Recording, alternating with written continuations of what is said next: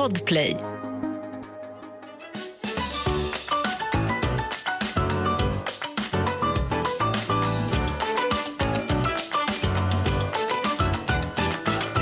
Alltså vet du vad jag gjorde i helgen? Nej. Det här är så jävla osmidigt. Nu känner jag att jag är gravid, alltså själv- kroppsligt. Jag har inte gjort det innan riktigt. Jag, Ja. jag känt ändå att jag kommer i mina byxor och så. Nu gör jag inte det. Parkerar du för tajt eller? Nej, nej, alltså vi håller på och fixar och donar lite hemma.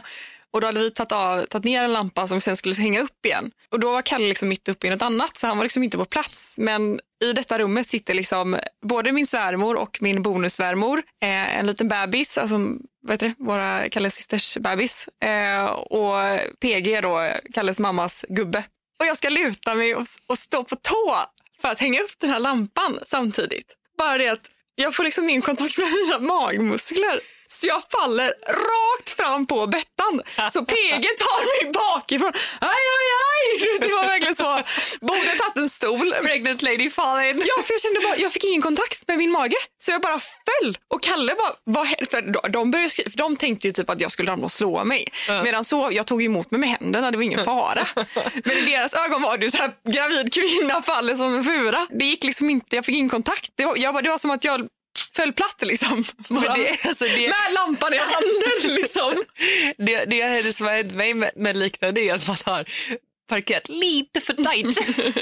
så, så man kommer inte ut på ena sidan med magen. Man så får jag parkera hoppa- om. Nej, men jag, nej, för det har jag förlåt för. Så man hoppar ut. Man får liksom joxa sig över på andra sidan. för det här vill jag ut. verkligen eh, se, se joxet. För- och man försöker liksom så här dra in magen. Och, men man bara känner så här, det, det här är, det går inte. Försök. Det är lönlöst. Ja. Hur mår du då?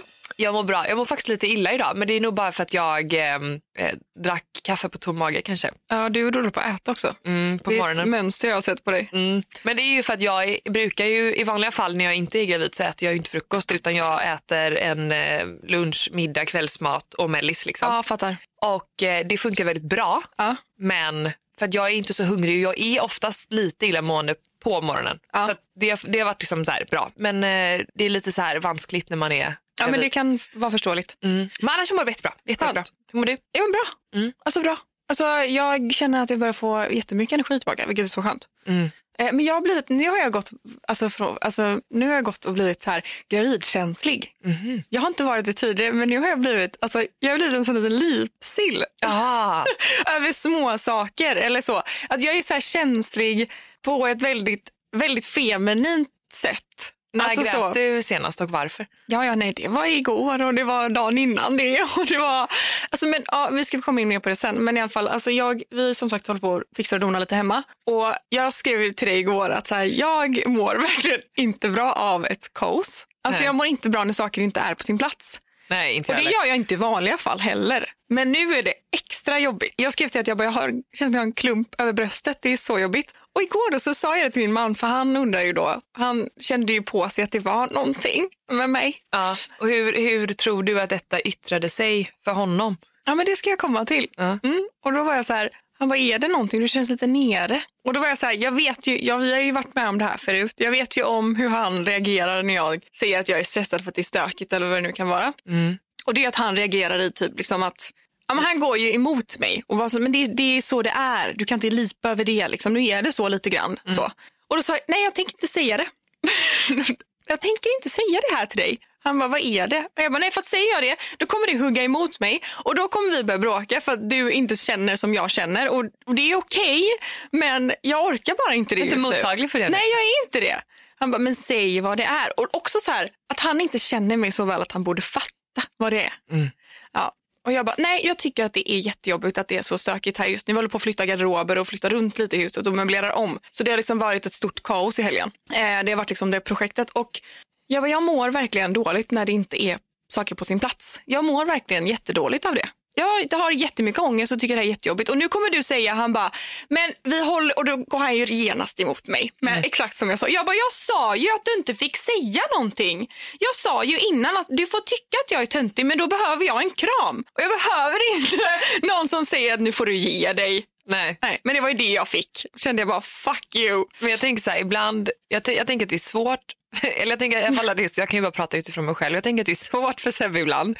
För ibland vill jag ha råden och ibland vill jag inte ha råden. Exakt, och, Och då ska han bara fatta när han ska ge råd och inte. Och Exakt. ibland kan jag liksom sitta där och, och ha ångest över någonting. För jag kan få så här perioder, typ en timme ångest. Eh, eller att jag har eh, eh, ångest på kvällen över någonting. Och ibland kan jag bara känna att jag vill ha den ångesten och ventilera den. Och sen vill inte jag ha en lösning på det. Utan jag vill bara att han ska känna så här, det är synd om dig. Så. Ja, men så här, klappa lite, vet du vad, det kommer bli bättre. Ja. Alltså så. Men och jag tänker att det är, liksom, det är kanske inte alltid så, jag måste ju vara tydligare med att kommunicera det i så fall. Och det är inte alltid jag själv vet om att jag vill ha Men jag kunde det. inte varit mer tydlig igår. Nej, du kunde inte vara Jag kunde inte varit. Dels så tog jag upp innan liksom lite så här föregående att om jag nu säger som jag känner och tycker och tänker vet jag att du kommer att. Och så, jag vill inte det nu. Men då får man det tillbaka ändå. Så jag är så här, jag, igår var jag bara så väldigt gravid, känslig. Behövde typ någon som säger, vet du vad? Vi åker och äter någonting gott. Ja. Så vi, du kommer hemifrån det här stöket och så åker vi hem igen och så fortsätter vi. Men vad tänker, jag tänker så här, Okej. det måste ju vara någonting som växer i honom när du alltså, reagerar på det sättet. Det är ju någonting som, Men jag tror det är för att han är så mycket raka motsatsen. Förstår du? att han har svårt att sätta sig in. Han har liksom. svårt att förstå att man kan få ångest av att ens garderob är stökig. För Mm. han stänger bara dörren. Och det är hans enkla lösning. Fattar du? Och, och jag Klassiskt. önskar att jag var mer sån. Klassiskt ibland. killbeteende, typ att man ska... ja, Ja, men så, man stänger dörren. Mm. Alltså om man öppnar matlådan i kylskåpet och den är möglig, då stänger man locket och stänger in den igen. Och så är det problemet Oops, löst. Mjölken var slut. Jag orkar inte slänga den, så jag ställer tillbaka den. Ja, men så. Man löser problemen snabbt och enkelt. Och ibland önskar jag att jag var mer sån. Men För jag, jag, har- alltså, den kvinnliga versionen utav det, Är du? det är ju, nej men alltså Nej. ett exempel, det är ju typ att man lämnar skit i bilen. Mm. I den, I den bilen som inte är ens egen, nu har vi bara en bil. Men eh, i ditt fall så kan jag tänka mig att det är mycket enklare att lämna skit i hans bil än din egen bil kanske. 100 procent. Ja. 100 procent. Ja. Alltså verkligen. Men samtidigt, ja, jo, ja, jag vet inte. Jag vet inte. Jag blir bara väldigt överväldigad av när saker inte är på sin plats. Och det gör att jag också slutar tänka. Mm. Vi liksom rensade lite hemma och sånt i helgen och eftersom att jag kände mig också så här överväldigad hade jag inte blivit om jag inte varit gravid för att nu är jag också väldigt känslig och jag vet inte varför, du vet hur man blir, man blir knäpp. Ja. Och jag bara så här började rensa och hade mig lite mellan ytterkläderna och jag bara den, äh, den kittar vi, den kittar vi också. Ja den där, den kittar vi. Och Kalle bara lugna ner dig nu för att nu, nu är du gravid och tänker att jag kan inte ha den där nu. Ja. Men det här är något som du tycker om. Alltså det kan vara ett skor eller något plagg eller en jacka eller ett par byxor. Han bara, du kan inte slänga jeans nu eller liksom skicka iväg, jag slänger dem inte, skicka dem iväg på återvinningen. Men, eller vet du, en sån här eh, box, Ja. Emmaus box. Ja. Också att jag vill göra det tydligt. Skitsamma. ja, men då att jag bara så här kände, men jag får ändå inte på mig de här jeansen nu. Och han är så här, nej, men det kommer du göra sen liksom. Eller Där så. är jag likadan. Alltså, när jag väl rensar, jag blir, jag blir mer tillfredsställd av att rensa än att tänka på vad jag kommer ångra sen Exakt. som jag rensar. Ja, ja, ja. Alltså, jag borde istället då rensa, jag borde lura mig själv i att jag borde ta en flyttelåda typ och tänka att det här rensar vi bort. Och så är det grejer som jag inte kan ha nu, sånt jag inte kommer i.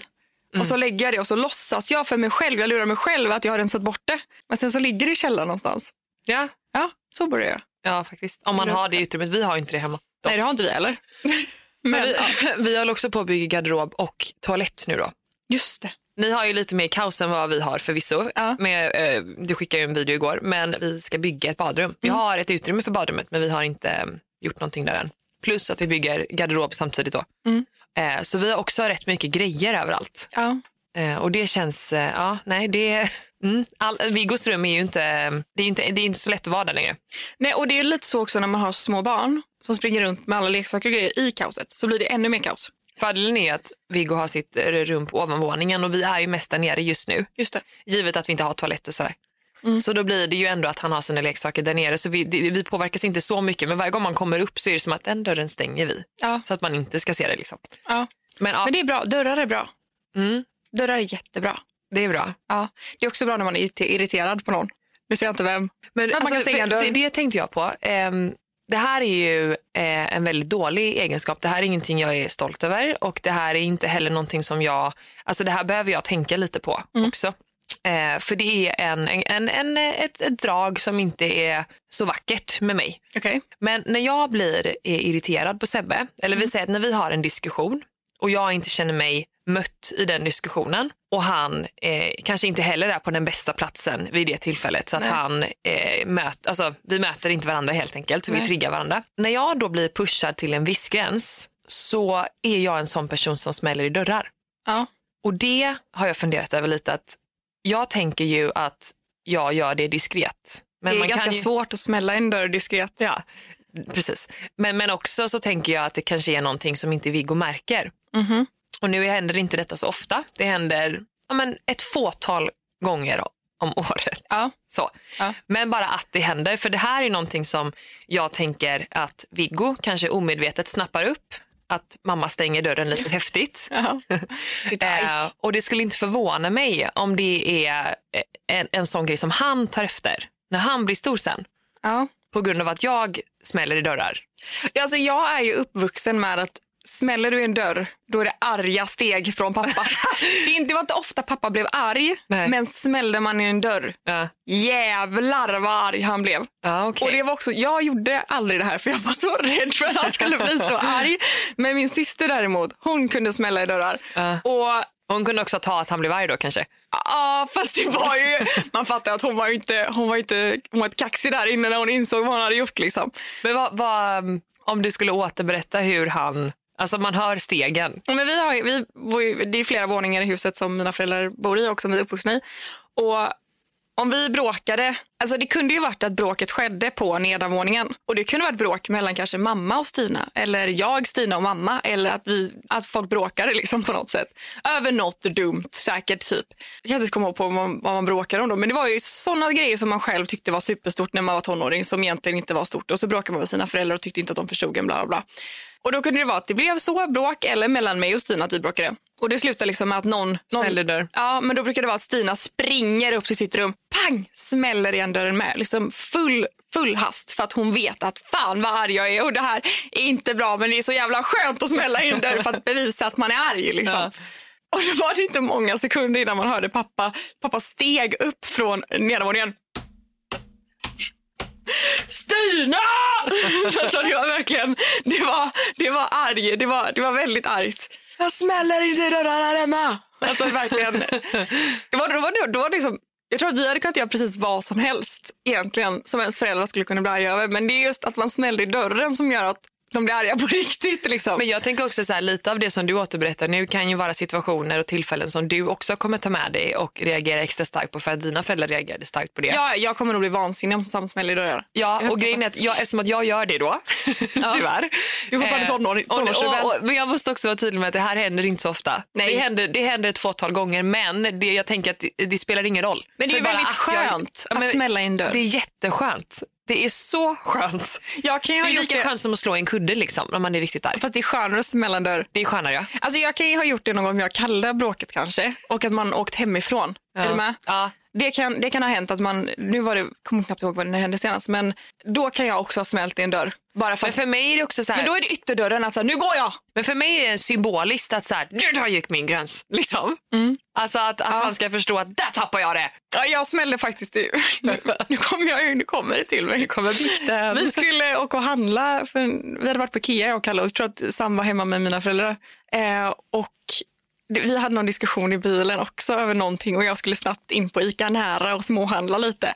Och då var det som att när jag kände att när jag gick ur bilen så drämde jag igen dörren också bara för att Ja, markera. prove my point. Ja, Eh, och- så nu jag- när du säger det, jag kanske inte oskyldig, men jag smäller inte i dörrar inomhus hemma. Gör jag, inte. jag tror det är där jag är Ja. ärrad från min barndom. Ja, men, men det gör jag och det är det sista trycket liksom, som är så jävla gött. Men eh, ju äldre Viggo blir, och också spelar det ingen roll för han, alltså barn observerar ju mer än vad man tror. Jag sa häromdagen, han har börjat härma rätt mycket, Ja. så sa jag till Sebbe, bara, jag fattar inte problemet. Och jag kommer inte ens ihåg vad vi diskuterade. Nej. Och då han bara, jag fattar inte problemet. du vet. Och då blir man ju också påmind om att så här, de hör mycket mer än vad man tror. Ja, gud ja. Så det här behöver jag tänka på oavsett om det händer en gång per år eller det är bara att det händer. Det är ju att jag visar någonting som jag inte upp, hade uppskattat hos honom som han Exakt. omedvetet eller medvetet kommer eh, ta med Fan alltså. Man är Så- sämst ibland alltså. Ja, men också så här, en annan taktik som jag har. Alltså när det kommer, för jag tror att när jag och Sebbe inte når varandra, då känner jag att jag söker andra vägar för att jag ska liksom ha lite övertaget och liksom ha sista ordet på något sätt. Och Det kan ju vara eh, genom att smälla en dörr Mhm, ja, Jag som markerar. Backa. Eller så kan det också vara att jag eh, är den som, alltså att jag flyr. Mm. Och det är ju både positivt och negativt. Det positiva är ju att jag tar ansvar för min känsla och att jag förflyttar mig, att jag liksom går därifrån för att jag vet att jag inte kan hantera det. Ja. Men det är ju, är ju också negativt för att det är ju för att- jag liksom sätter mig i bilen och åker därifrån. Ja. Om jag liksom är så arg. ja, då är man arg. Är, för det första så är det ju inte så moget att liksom lämna huset Nej, för att precis. man är så arg. Liksom. Men det är lite befriande samtidigt. Men det är väldigt befriande. Ska jag säga vad jag brukar göra? Ja. Som jag insett, det här insåg jag för inte så jättelänge sedan, att det här är nog mitt mönster i att visa att I've had enough. Mm. Nu räcker det. Mm. Jag kommer inte fortsätta diskutera för vi kommer ingen vart. Mm. Då slutar jag svara på hans frågor om vi sitter och diskuterar. Då blir jag tyst. Så han kan bara, hallå? Och det är så, ja. Han bara, varför svarar du inte på det? Varför, varför säger du ingenting? Och det är så här, för att vad jag än säger så kommer du säga emot mig. Då vet jag inte säga någonting alls. För att vad jag än säger så blir det fel. Mm. Och hur jag än säger det så blir det också fel. Jag är inte dum. Så att jag är tyst istället. Mm. För då blir det som att jag säger att så här, vad jag än säger så tycker du ändå att det är fel. Så då kan jag lika väl vara tyst för då kanske du blir nöjd. Och då är han så här, för då får han ju inget mot. Han får inget att diskutera emot så det blir väldigt tråkigt att vara den som irriterar då i det fallet han kanske. Ja. Alltså mitt bästa Tips. tips. i ett sånt läge när man inte når varandra, som funkar väldigt bra för mig Sebbe, det är ju att man smsar om det istället. För att det är ju som att skriva ett brev till någon. Att du kan ju inte tala i mun när du skriver. Nej exakt. På något sätt. Nej. Och då blir det ju att det som den andra skriver måste du ju läsa för att kunna besvara. Exakt. Och alltså nio gånger av tio så funkar det skitbra. Faktiskt, det är faktiskt ganska bra den grejen också. Och också då om, jag vet det här hände för att, alltså nu outar jag verkligen vår relation men alla har ju sina bråk tänker jag. Mm, nej, inte vi alls. Nej, någonsin. aldrig. Men jag tänker att något som, det var någon gång som vi var i den här situationen, det var typ två år sedan och det var någonting och jag skrev ett jättelångt sms kring hur jag känner, varför och så här är det bara. Du kan inte ändra på vad jag känner. Liksom. Det, Även om du tycker att det är fel så kan inte du ändra på det. Och då var det att han liksom svarade någonting som jag var så här, läs mitt sms, punkt. Jag har inte läst det nu, för nu har du bara skrivit, nu läser du kanske lite och sen så skrev du direkt Skriver för att du var, ja liksom. exakt. Ja. Eh, läs bara igen. Och om du är osäker på hur vi ska hantera den här situationen så läs det igen. Spara ner det i dina anteckningar. Så här tycker jag. Där står jag. Punkt. Ja, det är inte lätt. Nu tycker jag det är svårt när man, man har ju typ inte fått barn förrän barnet blir typ tre. Du, jag tänkte på det häromdagen. Ja.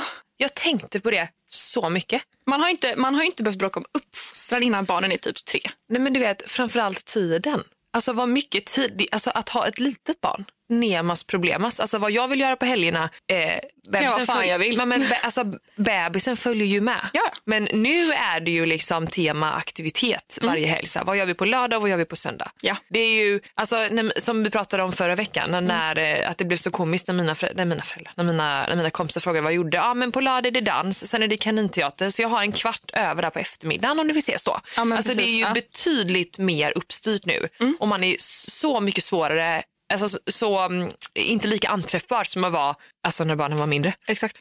Det är faktiskt jättesjukt att det är så.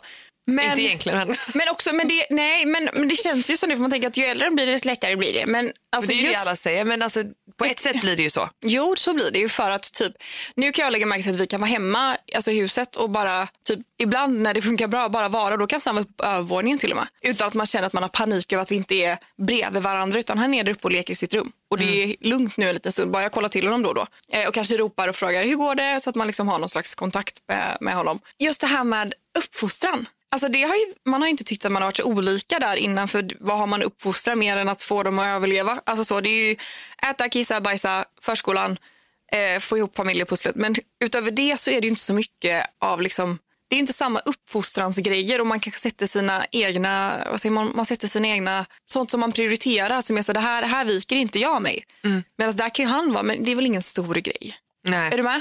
Ja, gud, ja, gud ja. Och att jag ofta känner mig lite som en kärring. Varför? För att jag är så principfast med vissa saker.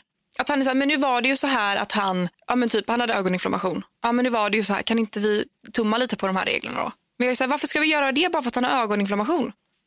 Och där kanske, det kanske är åt båda hållen. Där. Ja, alltså, eh, nu har ju jag lyxen att ha fått öva på detta redan innan Viggo. Ja. Men jag känner ju väl till de här konflikterna. Jag tänker också att det finns en anledning till att många småbarnsföräldrar, alltså att man just går isär. Ja, ja, för att man, inte, man tycker under för småbarn- olika liksom. Ja, men under småbarnsåren för att man äh, inser kanske att man är för olika. Mm. Eh, men, eh, och, och, och där det kommer till, om man ska jämföra min och Sebbe, så nu säger inte jag att den ena uppfostran är bättre än den andra. Utan jag konstaterar bara att min och Sebbes uppväxt har varit väldigt olika kring hur våra föräldrar har hanterat när vi har varit trotsiga, rebelliska och konflikter etc. Vilket gör att, ja, att man reagerar olika i vuxen ålder och vad man, man tycker också olika saker är viktigt. Jag är bättre på att vara konsekvent än vad Sebbe är. Ja men exakt. Och det har ju varit någonting som givetvis har varit uppe på tapeten för diskussion. Exakt precis. Jag tror, men jag tror det kanske är ett mer, nej, det här kanske är att generalisera eh, lite för mycket, men att det kanske är ett lite mer ma- mammigt drag att vara konsekvent med ens regler inom kaninöron, förstår du vad jag menar? Medan män är så här att man kanske kan tumma på det för att förenkla vardagen lite. Eller förstår du vad jag menar? Och det, det kan jag, det kan jag, då kan jag bli jätteirriterad. För då känner jag att så här, men vi har ju sagt så här nu, varför gör du inte så då? Sen samtidigt som att jag kunde inte bry mig mindre om vad de gör när inte jag är med. Alltså om jag är borta en kväll, inte hemma, så jag skiter i. Men det är mer när vi har det här, och också nu när Sam är, alltså han är så trotsig just nu. Så att det är helt vansinnigt. Så, du såg den som jag la upp den storyn från vi var på Ikea? var för härligt tycker jag. Det var så sjukt många som skrev att det var igenkänning. Att så här, så. Och det var någon som skrev, jag såg dig där inne, att du kämpade verkligen med honom. Man bara, ja tack, det gjorde jag. Alltså fy fan, unge säger jag bara. Men, Men jag tänker eh, också så här, det bästa lösningen på det där, det är att ge henne en kram. Nej, Nej. det är ju bara att, att, att, alltså du vet, den, den, det tillfället när man bara så här, I surrender. Alltså jag ger upp. Ja, ja. Det, det Men jag kan är inte lämna honom på Ikea liksom. Nej, Det men blir liksom, svårt. jag tänker att mycket utav konflikten också kanske handlar om att säga, nej det här är typ fel ställe, fel plats eller vi ska bara göra detta, vi ska snart gå till bilen. Mm. Att man liksom har, alltså i, i den vuxna världen så är ju lösningen på problemet så mycket enklare än vad barnet förstår. Ja, ja. Och när man väl bara inser att så här, nej, alltså vad fan, vi får komma till bilen om en halvtimme då. Så. Ja, ja. Även om man är vid kassan säger vi. ja. Och, och tillfället man inser det, det kan ju vara, det kan ju vara typ den bästa känslan ever på Mm. något sätt. Att man inser att, ja, men Ligg där då. ligg där då. Ja, det var ju verkligen Jag så. Han låg där. Jag sa, jag sa ligg där då. Ja. Så går mamma och pappa runt där så får du ligga kvar. Ja. Men det ville jag inte. Då var det Nej, också fel. Och det är ju det. Dessa små alltså. Poddtips från Podplay. I podden Något Kaiko garanterar östgötarna Brutti och jag, Davva, dig en stor dos skratt. Där följer jag pladask för köttätandet igen. Man är lite som en jävla vampyr. Man har fått lite blodsmak och då måste man ha mer. Udda spaningar, fängslande anekdoter och en och annan arg rant. Jag måste ha mitt kaffe på morgonen för annars är jag ingen trevlig människa. Då är du ingen trevlig människa, punkt. Något Kaiko, hör du på Podplay. Därför är gardinerna. Jag har ju testat att viska när han är arg. Ja. Men det är låter ju testat. jävligt töntigt. Nej men det funkar. Det funkar så Det funkar jättebra. jävla bra. Det funkar jättebra. Han är helt utom sig och jag går ner på den här nivån. Exakt. Och han blir helt liksom, alltså för jag tror också att, att barn instinktivt vill liksom få en reaktion. Ja, ja, 100%. Eller tror, jag vet att det är så. Ja, det är klart det är. Annars hade de inte sagt det. Men så att när han höjer rösten och börjar liksom känna att han tappar lite kontrollen över sitt eget känsloliv.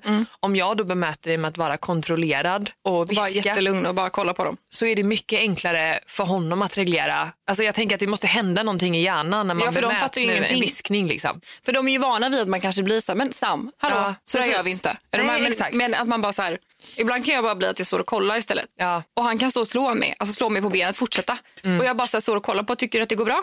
Tycker du att det känns skönt Mm. att slå? Så, slå på en kudde istället, det gör jag ibland. Tycker, Alltså, jag, jag tycker det är så intressant nu för han gillar ingen på förskolan typ. Han, han har hittat, alltså, nu ska inte jag säga att han hittar på, för jag säger inte det till honom, men jag tror att han hittar på Ja. att alla slår honom Aha. förskolan. Han, han säger liksom namn som jag har svårt att tro. Sen, sen säger inte jag det till honom att du ljuger. Nej. Utan jag bara så här, aha okej liksom. Men det blir ganska fina samtal kring alltså hans känslor kring att någon då skulle eventuellt slå honom eller bita honom eller så. Ja. För det blir ju att man pratar om hur det känns för honom och hur det i så fall också kan kännas för någon annan, typ för mig när han Precis. gör det på mig. Och det känns som att det är jäkligt eh, effektivt alltså. Men barn är absolut inte lätta och det enda jag kan säga är att eh, jag kan konstatera att första barnet är ehm, den, prövning. svår, ja, men det är den svåraste. Ja, men det är det nog. Men för, för det, jag tror att många känner igen sig i att så här, det har varit lätt att vara förälder tills nu. Mm. Så här, vad händer nu? Samtidigt som att när det väl går smidigt nu, så går det ju väldigt smidigt. Ja, men jag tänker också att det finns ju så många situationer och så många olika faser där man blir så väldigt mycket mer orolig än vad man behöver vara. Och jag tänker att de situationerna har jag ju redan varit med om Ja. med Alfons.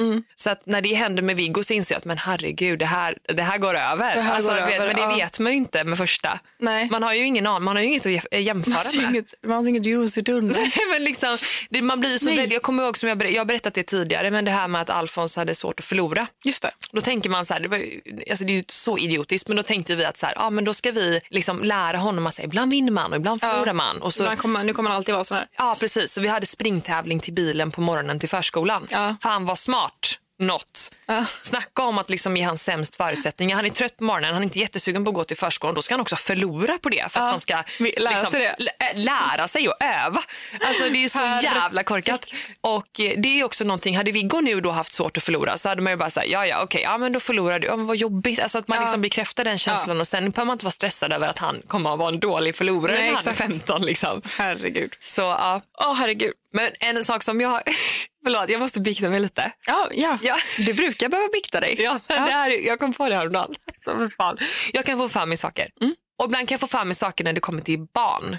Så för några, nu är det några veckor sedan, typ några månader sedan till och med, så fick jag för mig att det här med skor på barn, att man kan inte köpa vilka skor som helst. Ja, men det här vet jag. Det här har du sagt. Ja, men lyssnarna vet inte nej, nej, nej, jag vet. Men ja, Och så dumt. Så då kom jag över ett konto som heter Barefoot Universe. Och nej, jag låter inte min son gå barfota, det är inte det jag ska säga. Men det heter Barefoot Universe och de pratar, det är typ det. Och de pratar om eh, just liksom hur foten ska leva fritt i skon. Så jag tyckte att detta var liksom så här, fan vad bra för fotens ut för, för tårnas utveckling, för fotens utveckling. Ja. Att vi går liksom inte, att inte, för sko, många skor, typ Vans och sånt, är tydligen lite smalare. Ja. Så när man skär upp sulan så kan man se liksom hur, hur, hur tårna är lite så här. Alltså det enda jag tänker när det kommer sådär, sådär då inom kaniner nya Ja. saker till typ barn, bebisar, kvinnor, män, allt det där. Mm. Jag tänker bara hur våra fötter mår väl helt okej. Ja, men det Alltså, det som är grejen. Jag blir ju liksom delusional för jag inser att här, jag har gått sådana skor hela livet och mina fötter mår kanon. Ja. Men ja, så att tydligen så är tårna lite, ja, men de, de lever inte fritt va? Nej. I vissa skor.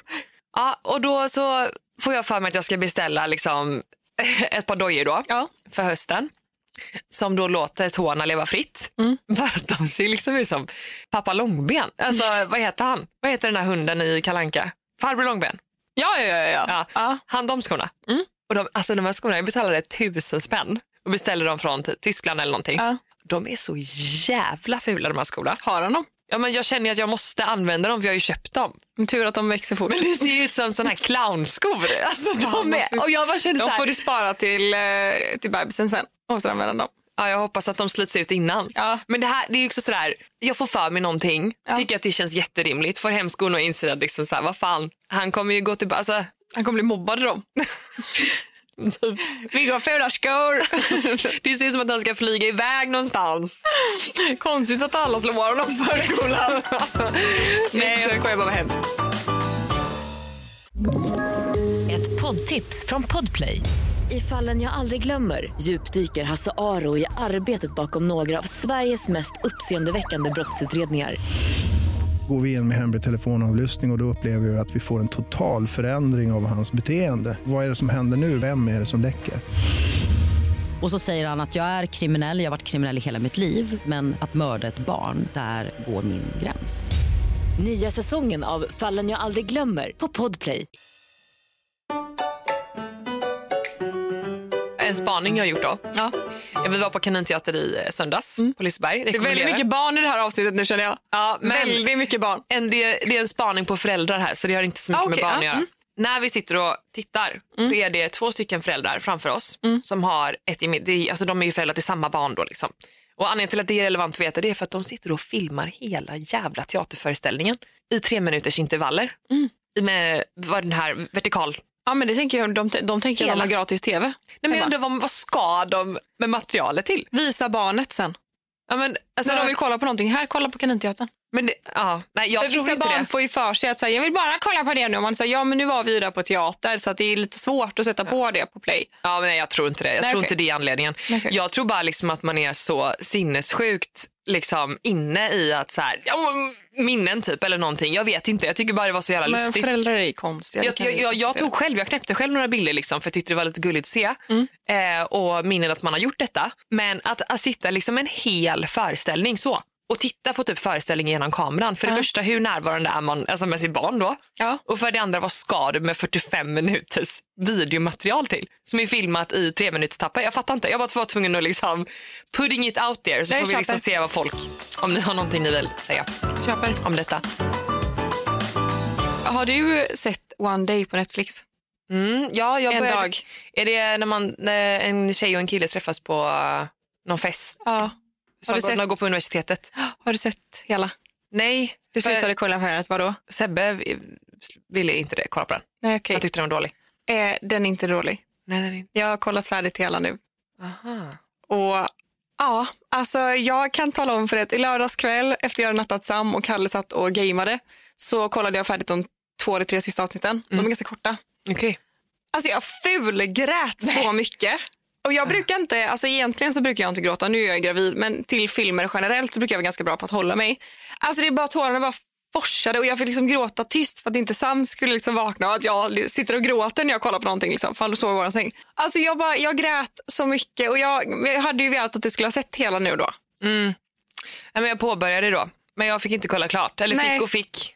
Alltså jag, jag har liksom bara tänkt på det här nu hela sen dess. Men då, då, då rekommenderar jag, för då kommer jag sätta på den vare sig han vill det eller inte och så kommer jag säga att den... Annars kolla på det själv när han är borta nu. Kan du också. Ja, det kan jag. Ja. Han ska faktiskt, det kan jag absolut göra. Ja, för den var, livet är skört kan jag säga. Och man blir både inspirerad och, ja alltså den är, Men det, det- är en sån serie som sätter sig innanför skinnet på ett annat plan än att det liksom kanske är spännande eller kul eller intressant. Det här är bara så här, jag håller på att dö. Men, kom, men är den uppåt liksom? Både ja och nej. Den är på båda sätten liksom. Mm. Mm. Eh, så det kan jag verkligen tipsa om att man ska kolla på. För att den, ja, ja, ja, ja, man vill bara, ja. Ja, Okej, men då, då ska Jag var helt tom efter jag låg och stirrade upp i taket och bara, vad hände precis? Jag tänkte att vi kanske skulle avsluta med en fråga Det kan jag. som vi har fått. Det tycker jag att vi gör. Eh, som handlar lite om branschen och, och om man skulle vilja jobba med detta fattar jag det som. Eh, men hon skriver så här. Jag älskar att skapa och vara kreativ men känner samtidigt att jag inte vågar 100% satsa på mina sociala kanaler. Hade gärna jobbat med att hjälpa andra eller kanske någon gång utveckla mina egna om jag får mod. Har två frågor som kanske även du och Sanna kan ta i podden om ni vill. Kan man bara byta bransch från en till en annan? Har liksom pluggat tre år på Chalmers för att jobba med det jag gör men inser hur mycket jag hellre vill jobba med det kreativa, ta bilder, skapa content etc. Och det snabba svaret på den frågan är ju självklart. Alltså din utbildning finns ju kvar. Precis. Eh, Min andra fråga är hur hade du ni gått tillväga? Söker man jobb hos någon som behöver hjälp? Kanske börja smått att hjälpa en influencer med sitt hjälp då?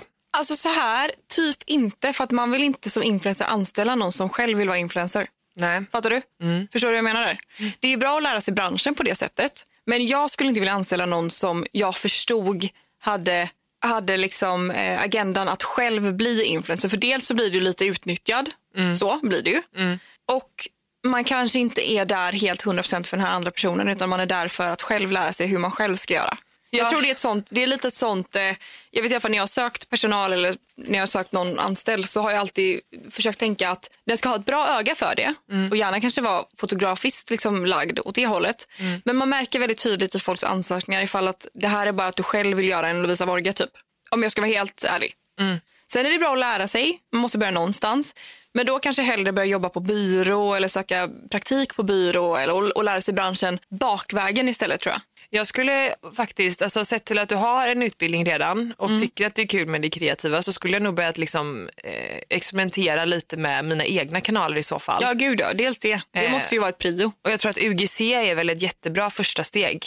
Att liksom eh, kolla lite, det finns ju jättemycket tjejer och killar på, på TikTok som pratar om detta som till och med heter det i sitt användarnamn.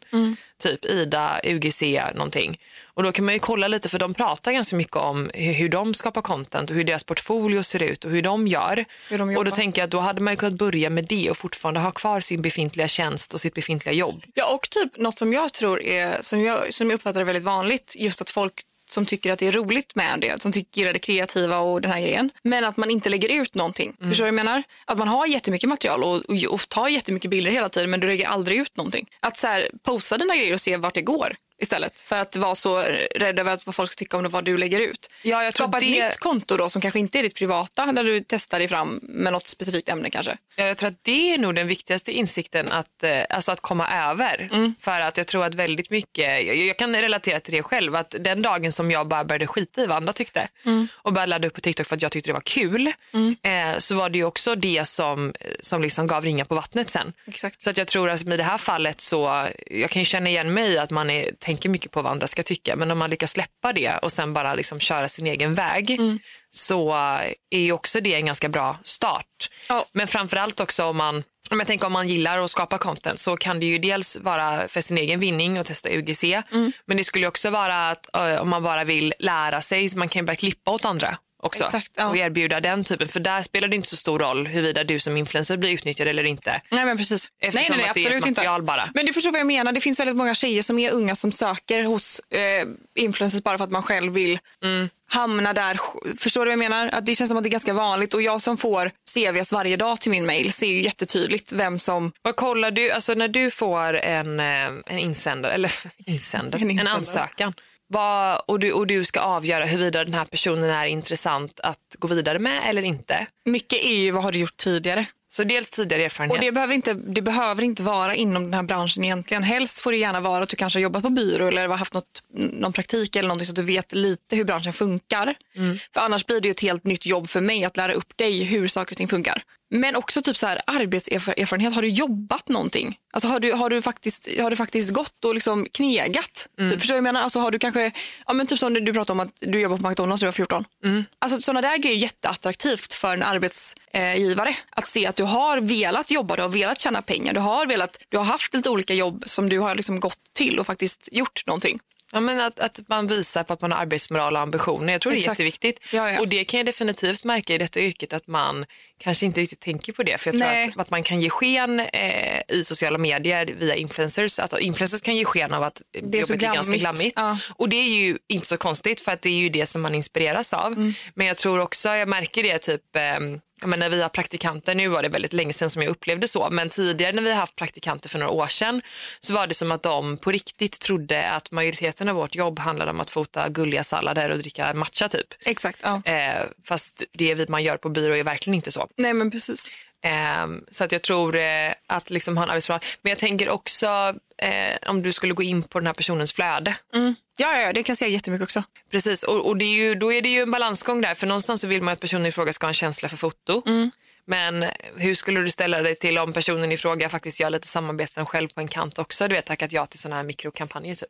Alltså jag, tror, jag tror inte, jag tror inte, ja, men jag, tror- nej varningsklocka, men jag tror inte att det hade varit för mig. Det hade inte varit min kopp te i att anställa. Nej. Sen, sen, sen behöver det inte vara fel eller rätt, men det är nog, det är nog personligt vad man själv vill. För att jag i så fall anställer någon för att underlätta för mig och inte för att den människan ska sitta och ta bild på ja, men saker när vi är iväg och lägga upp på sin Instagram för att det ska se bra ut för den. Och, alltså, det, jag vet inte, och det handlar nog inte om, det kan låta som att det handlar om att man är inte unnar någon annan det. Och det är inte riktigt det det handlar om. Det handlar mer om att jag anställer dig för att du ska jobba för mig. Då Och kan- det är ganska stor kostnad att anställa någon. Ja men det är det som är grejen. Det är det, jag tror inte det, folk fattar nog inte hur dyrt det är att ha en anställd runt året. Liksom. Det är ju det är flera hundratusen vi pratar om per år som det kostar att ha någon anställd. Med försäkringar och arbetsgivaravgifter. Det är väldigt dyrt att anställa någon. Eh, och många frilansar ju istället. Men jag tycker att vi har poddat färdigt. Ja, det var klart. Nu var det klart. Nu ska vi på gravidyoga. Ja, Ja, är det vecka åtta den här veckan? Ja. ja det är det. Vi har om två veckor, Mm. så inte nästa avsnitt utan avsnittet efter, så kommer vi ha ett eh, tema BB-väska, förlossning och eh, ja, vi ska bjuda in en barnmorska i alla Exakt, vi fall. ska ha en barnmorska som gästar oss. Så börja fundera redan nu på att ställa alla de här frågorna som ni inte annars vågar ställa Mm. eller har haft möjlighet att ställa till oss. Skriv till oss på Instagram så tar vi upp det med den här barnmorskan som ska gästa. Så jag längtar efter det. Jag Så också. Men om inte annat så hörs vi. Ha en fin helg och så hörs vi nästa vecka. Det gör vi. Puss och kram. Ha det gött. Hej.